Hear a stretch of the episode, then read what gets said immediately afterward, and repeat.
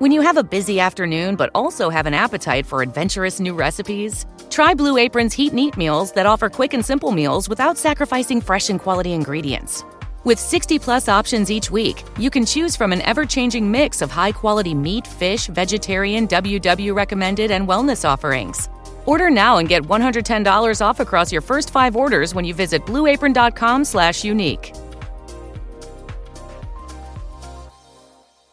Mary redeemed a $50,000 cash prize playing Chumba Casino this year. I was only playing for fun, so winning this was a dream come true. Chumba Casino is America's number one social casino experience. It's serious fun. With over 80 casino style games to choose from, you too could win life changing amounts of cash. Be like Mary. Log on to chumbacasino.com and give them a whirl. That's chumbacasino.com. No purchase necessary, void or prohibited by law. 18 plus. Terms and conditions apply. See website for details. The voice in the preceding commercial was not the actual voice of a winner.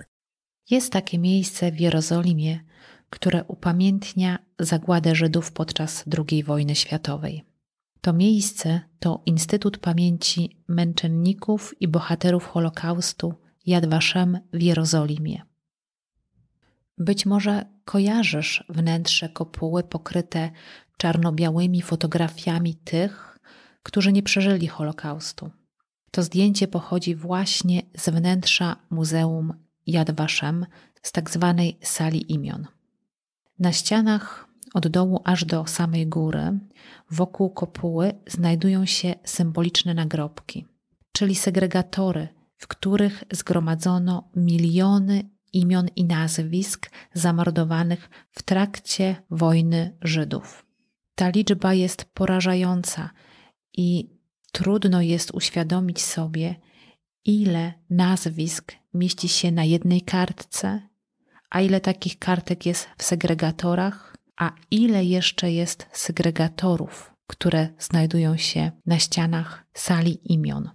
Dzisiaj wraz z Mariolą Serafin przejdziemy wirtualnie przez Instytut Yad Vashem i opowiemy o miejscach, przy których trzeba się zatrzymać, odwiedzając ten instytut.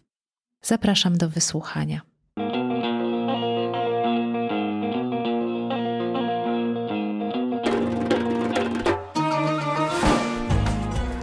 Cześć, nazywam się Justyna Zeruk, a to jest podcast po Izraelu. Jeśli interesuje Cię Izrael, planujesz podróż do tego kraju, a może po prostu lubisz słuchać ciekawych historii, ten podcast jest dla Ciebie. Zapraszam do słuchania.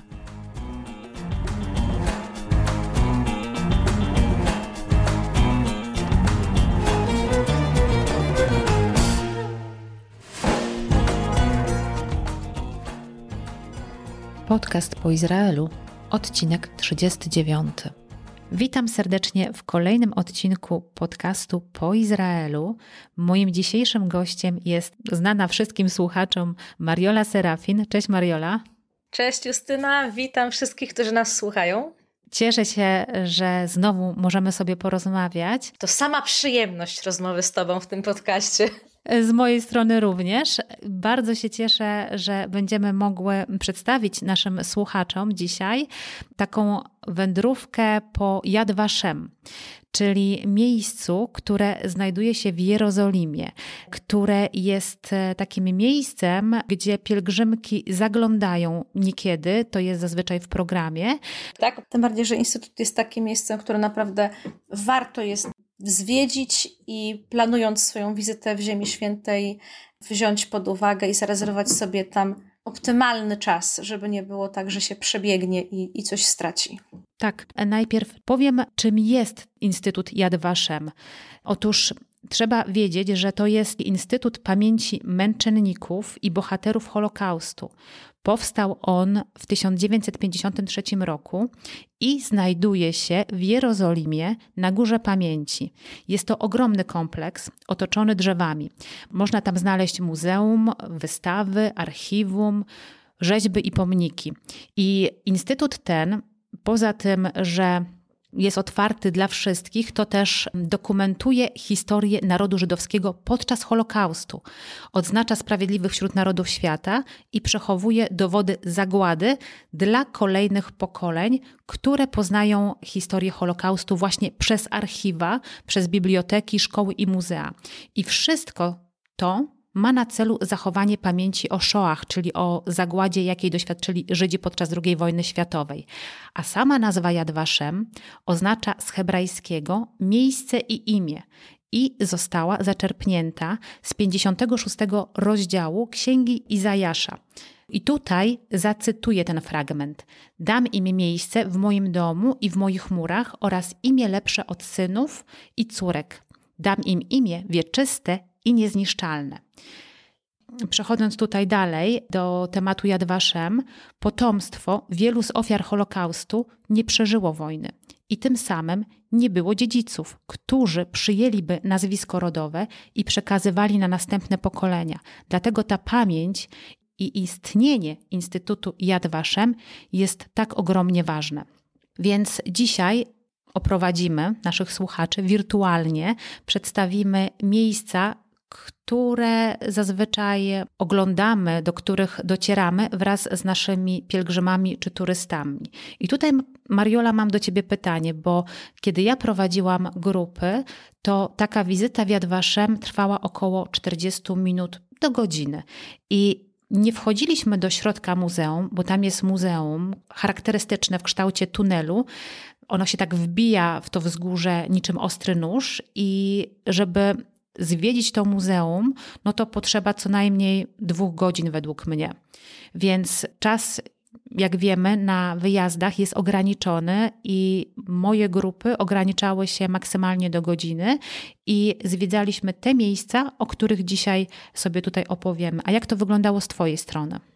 Bardzo różnie. Programy były często też szyte na miarę, bo w takim standardowym programie pielgrzymki to trzeba było często to Yad gdzieś tam wpleść pomiędzy inne rzeczy i była to rzecz ważna, prawda? Miejsce ważne, ale nie główne, więc te, te 45 minut, czasem godzina, godzina z kawałkiem, to był taki czas wystarczający na taki dłuższy, spokojny spacer po Parku Sprawiedliwych, po Alei Sprawiedliwych, żeby też wejść do kilku takich e, nazwijmy to drobniejszych monumentów, o których sobie za chwilę tak opowiemy bardziej szczegółowo.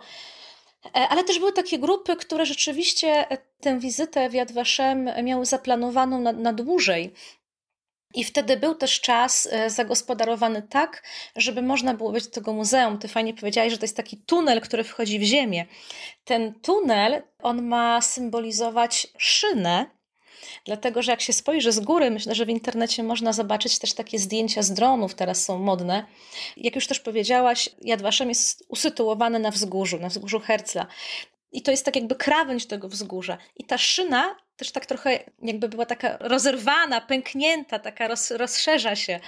I właśnie jest to taka szyna kolejowa, która myślę, że jest też takim mocnym symbolem. I właśnie idzie się przez tą szynę, w środku przez ten tunel się idzie, bo rzeczywiście jest to tunel zaciemniony, taki dość ponury tunel. Idzie się takim zygzakiem to jest droga jednokierunkowa. Można się zatrzymywać na dłużej, na krócej przy różnych punktach, ale, ale jest to właśnie jednokierunkowa trasa, czyli zaczyna się od, na początku tej szyny i kończy się po drugiej jej stronie. No właśnie, myślę, że taka godzina, taka syta godzina to jest dobry czas, żeby sobie spokojnie przejść przez to miejsce. Ale mówisz teraz o samym muzeum, czy mówisz o, o samym muzeum? O samym muzeum mówię, tak. No właśnie, to samo muzeum. Natomiast jeszcze jest góra tak zwana, bo to muzeum jest jakby, tak jak powiedziałyśmy, jest wbite w ziemię. Jest jeszcze ta część na świeżym powietrzu i tam no, to jest też kolejne 40 minut albo druga godzina, więc żeby wszystko zobaczyć i żeby coś z tego zapamiętać, to jednak ten czas tam trzeba poświęcić. Dokładnie tak, ale jest to też miejsce na tyle trudne i przejmujące, że warto ten czas poświęcić. Ja myślę, że też kontekst naszych pielgrzymów i nas samych, którzy przyjeżdżamy z Polski, my znamy historię Holokaustu. Jest to, jest to historia, której się uczymy od samego początku, bo Holokaust dział się na terenie dzisiejszej Polski, tak? Teraz to ważne, żeby prawda, zaznaczać, że, e, że były to tereny okupowane przez Niemców, ale, ale my z tym dojrzewamy obok siebie, to mamy, tak? Jedni mają bliżej Treblinkę, inni mają bliżej Auschwitz, więc są to miejsca, które znamy i kojarzymy, więc my jak tam jedziemy, to my znamy kontekst historyczny, potrafimy się w tym kontekście odnaleźć i odnieść się do wielu rzeczy. Więc dla nas te dwie godziny to jest taki optimum, ale myślę, że są narody, a są, z tego co też patrzyłam i obserwowałam, które przyjeżdżają z zupełnie innym kontekstem historycznym w to miejsce i im potrzeba znacznie więcej tego czasu, bo oni się muszą nauczyć historii Holokaustu. My te historie niestety, ale mamy bardzo głęboko we krwi. Tak, to prawda, to prawda, co mówisz, bo to rzeczywiście jest inny kontekst, gdy przyjeżdża Polak do Izraela, a inny, gdy przyjeżdża ktoś z Nowej Zelandii na przykład, tak, albo z Ameryki Południowej. Mhm. Ja może jeszcze tak tytułem wstępu, bo my operujemy różnymi nazwami.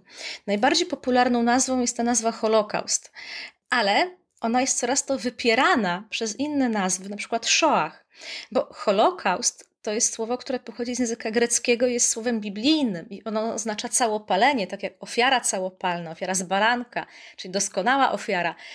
Ona zakłada pewną dobrowolność, tak? Ofiarę się chciało składać, a to pójście na zagładę nie było tym oddaniem się dobrowolnym, więc wiele osób, dzisiaj jest też taka pewnego rodzaju moda na poprawność językową i na szukanie precyzyjnych nazw, odpowiedzi, określeń.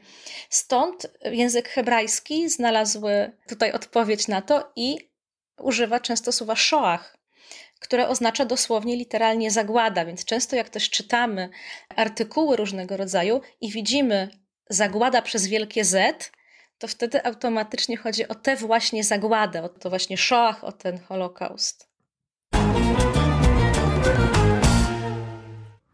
Teraz przejdziemy do takiego tematu, który też jest bardzo związany z tym Instytutem Yad Vashem.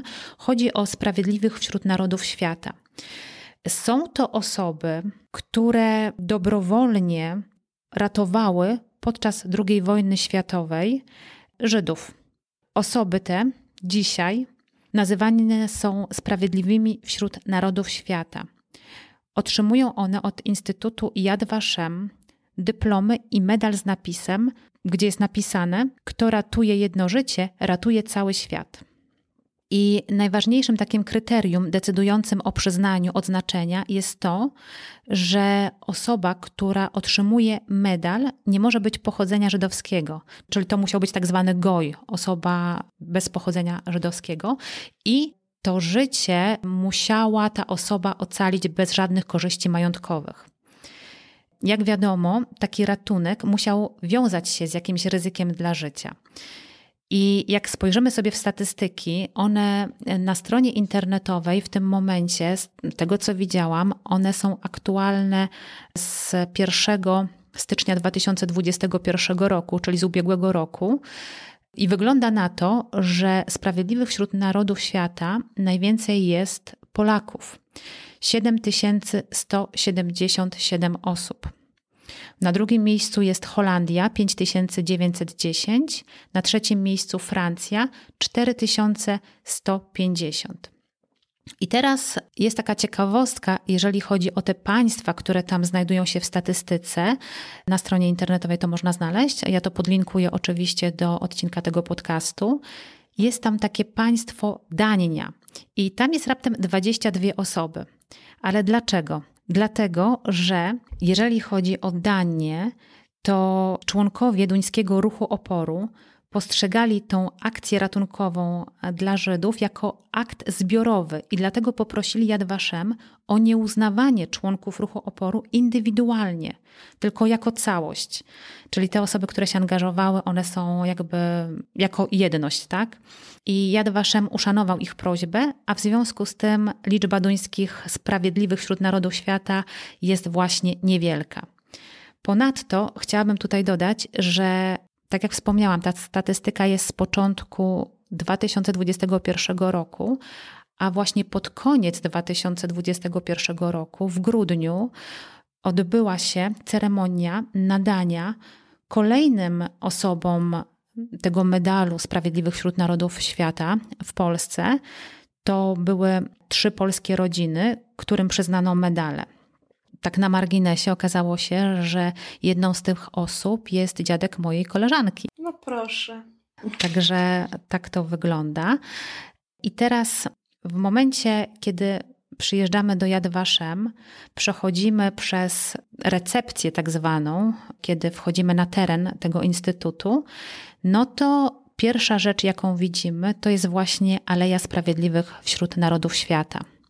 To jeszcze zatrzymajmy się w tej recepcji, bo ona jest też troszeczkę, myślę, że na sam początek jest ważna dla osób, które są pierwszy raz w Yad Vashem, ponieważ możemy tam przyjrzeć się makiecie, tak z, trochę z lotu ptaka, w pomniejszeniu przyjrzeć się, jak wygląda cały, cała ta góra, cały instytut i możemy sobie właśnie stamtąd wygodnie podpatrzeć, gdzie jakie miejsca są na tym terenie czy chcemy podejść do jednego pomnika, do drugiego pomnika, bo jest dużo na terenie Ogrodu Sprawiedliwych, jest dużo takich miejsc, większych i mniejszych, takich monumentów, które warto odwiedzić. Jedne warto bardziej, inne mniej, więc można sobie zaplanować ten spacer po parku.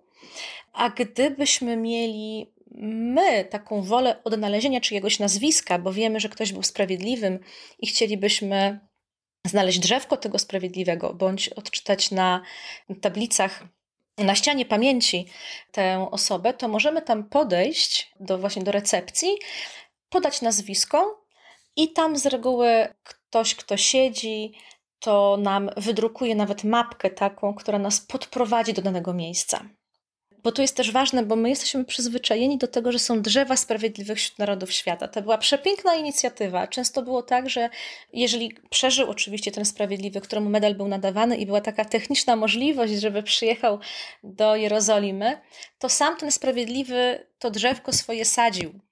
Niestety, albo stety, Stety ten teren okazał się za mały, niewystarczający.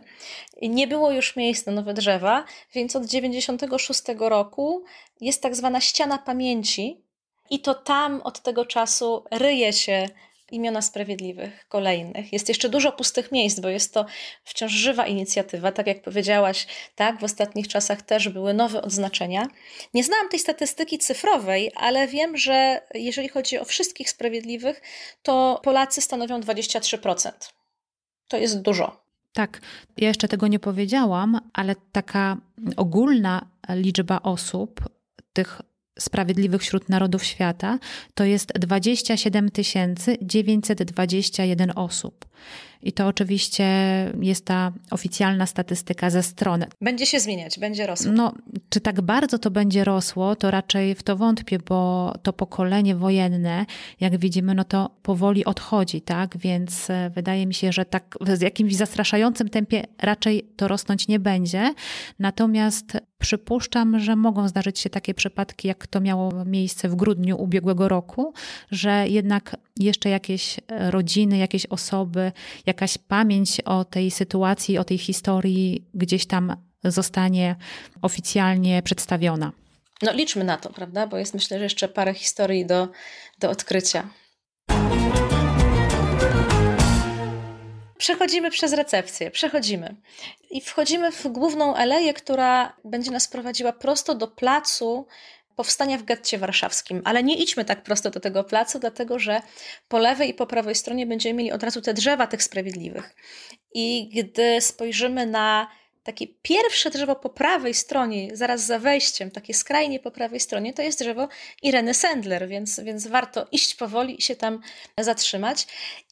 I każde drzewo w tej głównej alejce będzie podpisane, będzie miał tabliczkę, gdzie alfabetem łacińskim będzie napisane imię tak, jak ono brzmi, ale będzie też to samo imię napisane alfabetem hebrajskim. I jakby w rogach tej tabliczki też będziemy mieli już po angielsku i w kolejnym rogu alfabetem hebrajskim napisany kraj pochodzenia tego sprawiedliwego. No i potem dochodzimy sobie do placu powstania w getcie warszawskim. I to jest ważny plac, dlatego że to tam na nim odbywają się główne uroczystości w izraelskie święto bohaterów i ofiar Holokaustu. To jest bardzo ważne, żeby rozróżnić, ponieważ 27 stycznia mamy Międzynarodowy Dzień Ofiar Holokaustu i to jest data, która została ustanowiona przez ONZ i ona jakby jest tożsama z dniem wyzwolenia obozu w Auschwitz, a to hebrajskie święto, to hebrajskie upamiętnienie jest związane z wybuchem powstania w getcie warszawskim. Tylko, że jest ono według kalendarza księżycowego, w związku z tym każdego roku jest troszeczkę przesuwane, prawda, żeby, żeby to z tym kalendarzem księżycowym grało. Jest to święto ruchome i ono zawsze przypada na 27 Nissan, czyli zawsze jest to przełom kwietnia i maja. I to tam o poranku jest oczywiście minuta ciszy, wyją syreny, zatrzymują się samochody i potem są oficjalne, duże uroczystości ze składaniem kwiatów, oficjalne delegacje międzynarodowe, narodowe, modlitwa oczywiście za, za ofiary. I tutaj też mi się bardzo podoba w tym, że jest zachowana pamięć zarówno o ofiarach Holokaustu, jak i o bohaterach Holokaustu, co wiąże się bardzo ściśle z, właśnie z powstaniem w getcie warszawskim, ponieważ był to czyn z góry skazany na przegraną, a jednak podjęty, żeby, żeby nie iść dobrowolnie, a jednak iść w tym czynie zbrojnym, te ostatki odwagi wykrzesać z siebie. No właśnie, i na tym placu powstania w getcie warszawskim znajduje się pomnik i płaskorzeźba, pomnik powstańców w getcie warszawskim. I to jest replika tego samego właściwie pomnika, który znajduje się w Warszawie, niedaleko Muzeum Polin. I ta replika pomnika w Yad Vashem, a pomnik w Warszawie, on się różni. Nieco. Zwróciłaś na to uwagę? Mm, wiesz, nie przyglądałam się. To będzie taka ciekawostka, bo sam pomnik wygląda w ten sposób, że w centrum znajduje się postać Mordechaja Anielewicza, czyli tego, który dowodził powstaniem w getcie warszawskim. Postacie, które są wokół niego, trzymają w dłoniach noże, pistolety, granaty. Zresztą on sam trzyma granat w ręku. Nad nim jakby pochyla się kobieta z dzieckiem, z niemowlakiem na rękach, a za nimi rozpościerają się płomienie ognia. I teraz to jest dosłownie detal, ale ten pomnik różni się od pomnika w Warszawie tym, że ta kobieta, która jest przedstawiona na pomniku w Warszawie, ma odsłonięte piersi, natomiast w Yad Vashem ma zakryte. Jeżeli ktoś nie ma możliwości odwiedzenia zarówno jednego, jak i drugiego miejsca osobiście, może to oczywiście sprawdzić na zdjęciach, które znajdują się w internecie. Druga z kolei płaskorzeźba, która znajduje się na placu getta warszawskiego w Jadwaszem, przedstawia tak zwany ostatni marsz, czy też pochód śmierci, czy pochód na zagładę, tak jest nazywane to przedstawienie, i obrazuje to drogę do miejsca zagłady. Widać na tej płaskorzeźbie nie tylko Żydów, ale z tyłu gdzieś tam majaczą niemieckie hełmy. I wszystkie postacie kierują się w jedną stronę, i tylko jedno z dzieci rozgląda się, rozgląda się gdzieś na boki a centralna postać to starzec, który niesie ze sobą zwoje tory. I te dwie charakterystyczne rzeźby znajdują się w centrum tego miejsca, które jest nazywane placem getta warszawskiego.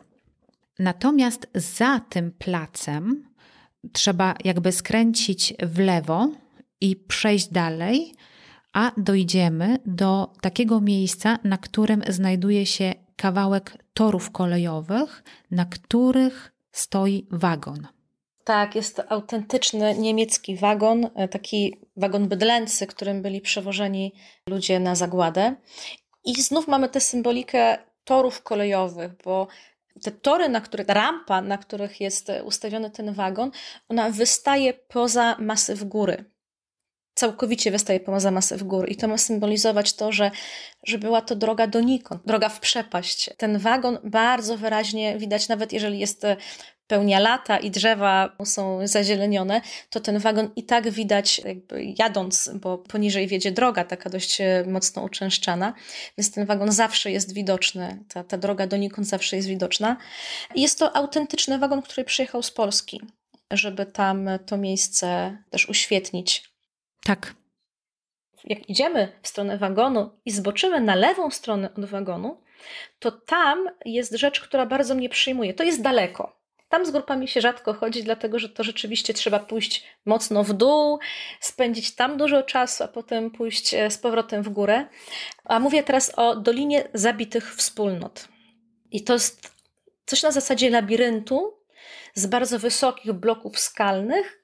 Te bloki skalne są ociosane w prostokąty i na ścianach tych bloków skalnych większymi i mniejszymi literami najpierw jest nazwa miasta, miejscowości bądź nawet malusieńkiej mieściny po hebrajsku, a zaraz pod nią jest nazwa tej samej miejscowości w języku narodowym, którego kraju pochodzi ta miejscowość. Miejsce niesamowicie przejmujące, ale rzeczywiście już daleko i trzeba troszeczkę mieć i czasu, i kondycji, żeby tam dotrzeć. Za to, jeżeli od wagonu pójdziemy na prawo, będzie to krótszy spacer, a równie ciekawy, ponieważ to tam właśnie jest ta ściana pamięci, gdzie są ryte imiona. I tam, jak zobaczymy te litanie tych imion, to, to wtedy czuje się ogrom tych ludzi, którzy, którzy przyczynili się do pomocy w tych nieludzkich czasach. Mhm. No właśnie, bo ta tradycyjna trasa, e, taka skrócona trasa, którą proponuje się grupom, wiedzie od placu powstania w getcie warszawskim do wagonu. Dalej wracamy przez plac getta warszawskiego, przechodzimy po schodach do góry i zmierzamy do sali pamięci. Czym jest sala pamięci? Otóż jest to takie miejsce bardzo proste w swojej architekturze, ale imponujące. Przypomina namiot, chociaż w kształcie prostokątu. I ta konstrukcja pozwala odwiedzającym oddać hołd pamięci zmarłych męczenników. Na podłodze w środku widnieją nazwy 22 nazistowskich miejsc mordu, czyli obozów zagłady, czy też obozów przejściowych, wybranych spośród setek miejsc mordu, które istniały w całej Europie. Na środku jest płomień pamięci, który płonie nieustannie, obok krypty, w której znajdują się prochy ofiar przywiezionych z obozów zagłady.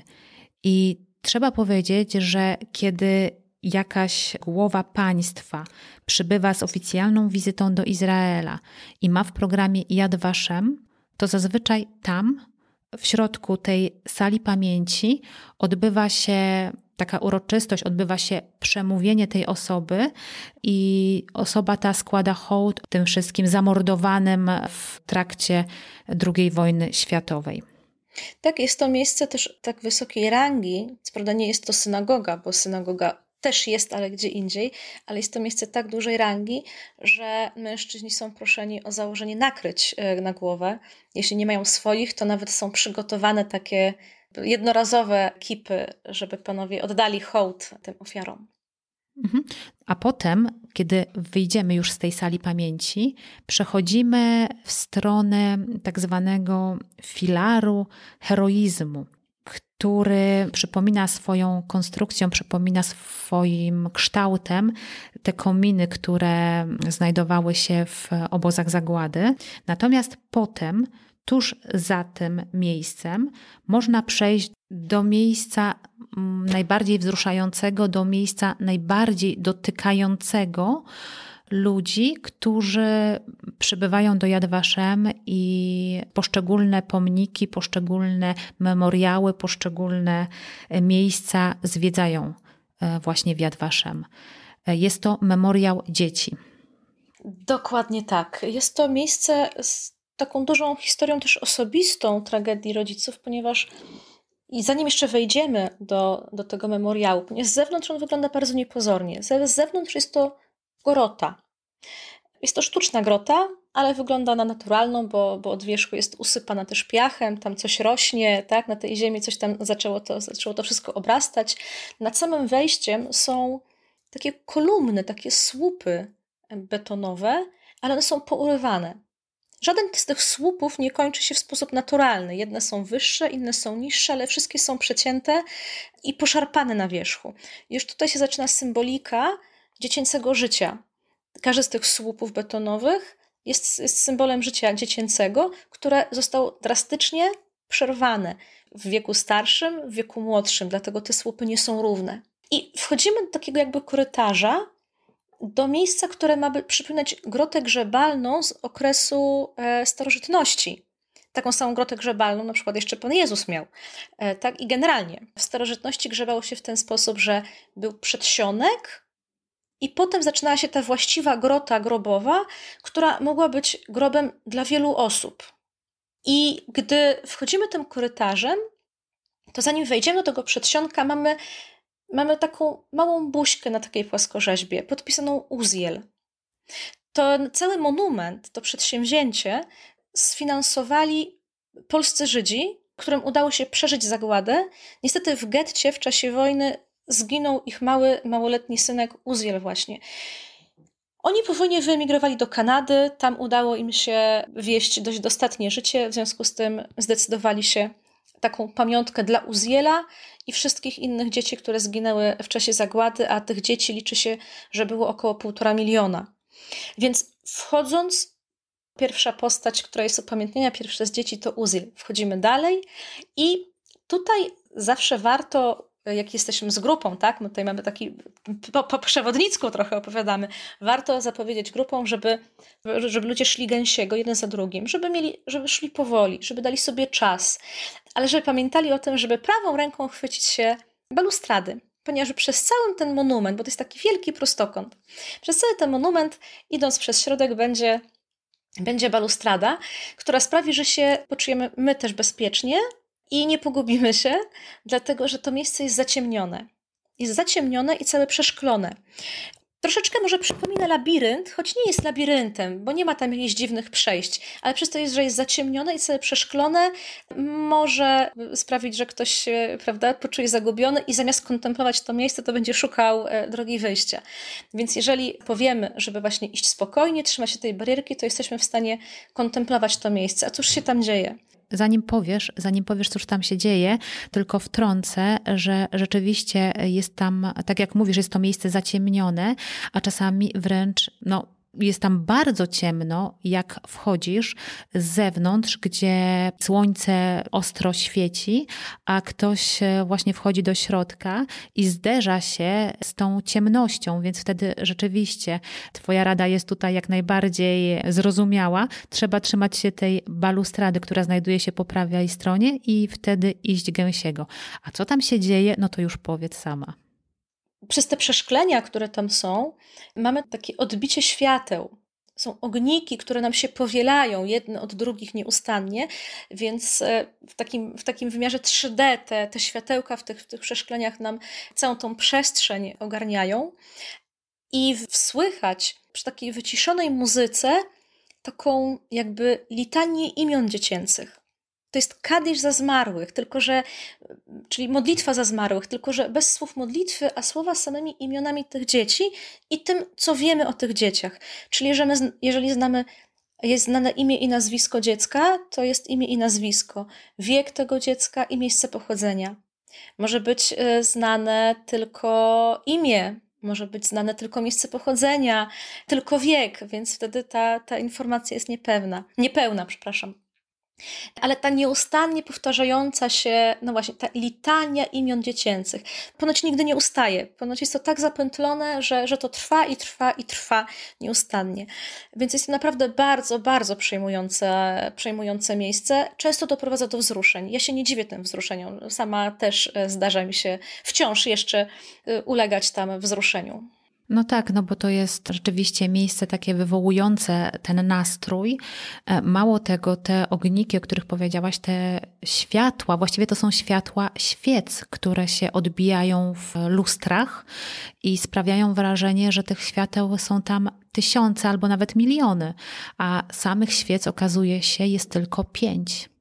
Co jest ważne, to gdy wchodzimy do tego memoriału dzieci, przechodzimy przez niego i wychodzimy z drugiej strony. I potem w dość krótkim takim spacerze i mi się podoba ten zamysł, dlatego że idąc od tego wspomnienia dzieci, przechodzimy prawie że automatycznie na plac Janusza Korczaka, opiekuna dzieci, tak? Znamy pewnie, wszyscy znają króla Maciusia I, pedagogikę, i te historie, jak to, jak to Janusz Korczak, czyli Henryk Goldschmidt wraz z dziećmi ponoć miał możliwość wyjścia z getta, e, wybronienia własnego życia, nie zdecydował się i szedł z dziećmi na zagładę i zginął wraz z dziećmi w Treblince w 1942 roku. Mi się bardzo podoba ten, ten pomnik Korczaka. Jest skromny. To jest taka postać właśnie brodatego pana, który próbuje objąć jak najwięcej tych dziecięcych istnień i zawsze na tym pomniku są kamyki. E, myślę, że ci, którzy słuchają e, Twój podcast, już wiedzą, że kamyki to jest taki symbol, który się kładzie na grobach jako znak pamięci. Tak, choćby człowiek umarł, to pamięć będzie o nim tak trwała jak kamyk, który się zanosi na ten, na ten grób. I ten pomnik jest zawsze obłożony kamykami. Mhm, zgadza się. I właściwie to jest chyba ostatnie miejsce, przy którym zatrzymujemy się, no i potem wracamy już do, do tej recepcji, przez którą wchodziliśmy do środka i, i wychodzimy z tego terenu. Chciałabym jeszcze na koniec tego krótkiego spaceru po Yad Vashem powiedzieć o takich informacjach praktycznych, no bo właściwie każdy może tam przyjść. Trzeba tylko sprawdzić na stronie internetowej Instytutu Yad Vashem, jak to wygląda, jeżeli chodzi o godziny otwarcia, no bo sam Yad Vashem jest otwarty od niedzieli do piątku w określonych godzinach. I wejście do tego instytutu jest bezpłatne. Nie trzeba dokonywać żadnych wcześniejszych rezerwacji, chyba że chce się przejść muzeum z przewodnikiem. Wiem, że jest to możliwe, wiem, że są przewodnicy tam na miejscu w Yad Vashem i można z takiej e, pomocy skorzystać. Wtedy ten przewodnik oprowadza po muzeum. Czy ty kiedyś korzystałaś z takiej pomocy? Nie, nie korzystałam i z tego co wiem, na ten moment nie ma przewodników polskojęzycznych, chyba że coś się zmieniło w ostatnim e, roku, w ostatnich dwóch latach. Ale jeśli nawet nie chcemy korzystać z takiego prawdziwego, nazwijmy to, przewodnika, to możemy właśnie tam w tej recepcji poprosić o audioguide, który nas oprowadzi i po, po muzeum, i dalej też.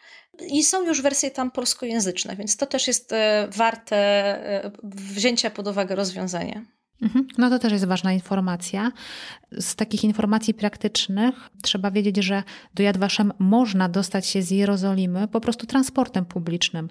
Trzeba tylko wysiąść na przystanku, który znajduje się na wzgórzu Herzla. Albo jeżeli korzystamy z samochodu, no to można przyjechać tam samochodem i skorzystać z parkingu, ale trzeba sprawdzić, jak to wygląda kwestia z opłatą. A tak jak też zauważyłaś, najłatwiej jest dojechać komunikacją miejską i tu bym wybierała tramwaj, dlatego że nie trzeba się będzie męczyć nad szukaniem, który to przystanek, ponieważ jest to ostatni przystanek tramwajowy. Tak. Jeszcze z takich, z takich rzeczy, które mogą być rzeczami technicznymi, a też wartymi wzięcia pod uwagę, to jeśli spędzimy dużo czasu na zwiedzaniu Yad Vashem, to w recepcji w piwnicy jest duża restauracja i kawiarnia. I tutaj dla naszych słuchaczy, którzy nie mają za bardzo do czynienia z, koszernością, to może warte też jest e, powiedzenie tego, że restauracja tam jest restauracją koszerną. To znaczy, że w części restauracyjnej, gdzie są gorące obiady w ciągu dnia, nie będzie nabiału. Za to po drugiej stronie tej samej sali jest kawiarnia, gdzie już możemy wypić na przykład kawę z mlekiem, czyli mamy nabiały i tam jest tylko taka drobna szarfa. I bardzo e, tutaj polecam uwadze to, żeby jak jesteśmy w części kawiarnianej, to nie szukać stolika w tej części restauracyjnej i na odwrót, bo to może sprawić, że ktoś się poczuje niezręcznie e, przy nas. Tak, tak, tak. To bardzo ważna informacja dla osób, które e, nie mają na co dzień do czynienia z koszernością. I to chyba na tyle, jeżeli chodzi o Yad Vashem. Dziękuję Ci, Mariola, za to, że ze mną przeszłaś przez ten instytut, tak jak to robimy zazwyczaj z grupami. Z tego, co obserwuję, no to wyjazdy do Izraela zaczynają się odbywać ponownie. Natomiast chciałabym jeszcze tutaj powiedzieć, bo ty, poza tym, że od czasu do czasu gościsz w moim podcaście po Izraelu, to sama masz swoją audycję. Opowiedz trochę o niej. Dokładnie tak, mam swoją audycję. Nazywa się ona Pocztówki z Ziemi Świętej. Ponieważ w takim telegraficznym skrócie, czyli w soboty o 11.30 i w niedzielę o 18.30 w Radiu Warszawa daje takie krótkie relacje o Ziemi Świętej, takie właśnie widokówkowe, pocztówkowe, krótkie opowieści o Ziemi Świętej. Ja myślę, że znaczy, mi się one podobają. No trudno byłoby, podobają, żeby tobie się nie podobały. Więc, no. więc mam nadzieję, że, że słuchaczom radia też się podobają. Póki co nie zostałam zdjęta z anteny, to znaczy, że, że, że jest dobrze. Także polecam się. Można ich słuchać też na Spotify'u, jak jeżeli ktoś jest e, nieradiowy, a bardziej Spotify'owy, to, to zapraszam tam również pod pocztówki z Ziemi Świętej pocztówki z Ziemi Świętej na Spotify'u albo pocztówki z Ziemi Świętej w Radiu Warszawa, tak? Dokładnie tak. Fajnie. Mariola, dzięki wielkie. Dzięki również. Pozdrawiam wszystkich, którzy nas słuchają. Dziękuję za wysłuchanie tego odcinka. Mam nadzieję, że był dla Ciebie wartościowy. Jeśli informacje, które otrzymujesz w tym podcaście, są dla Ciebie cenne, koniecznie daj mi o tym znać. Pamiętaj, że podcast ten możesz ocenić również w aplikacjach podcastowych, takich jak iTunes czy Spotify. A jeśli masz pytania czy uwagi, to pisz śmiało na adres e-mail kontakt poizraelu.pl. Jeszcze raz dziękuję Ci za wysłuchanie tego odcinka. Pozdrawiam serdecznie i do usłyszenia wkrótce.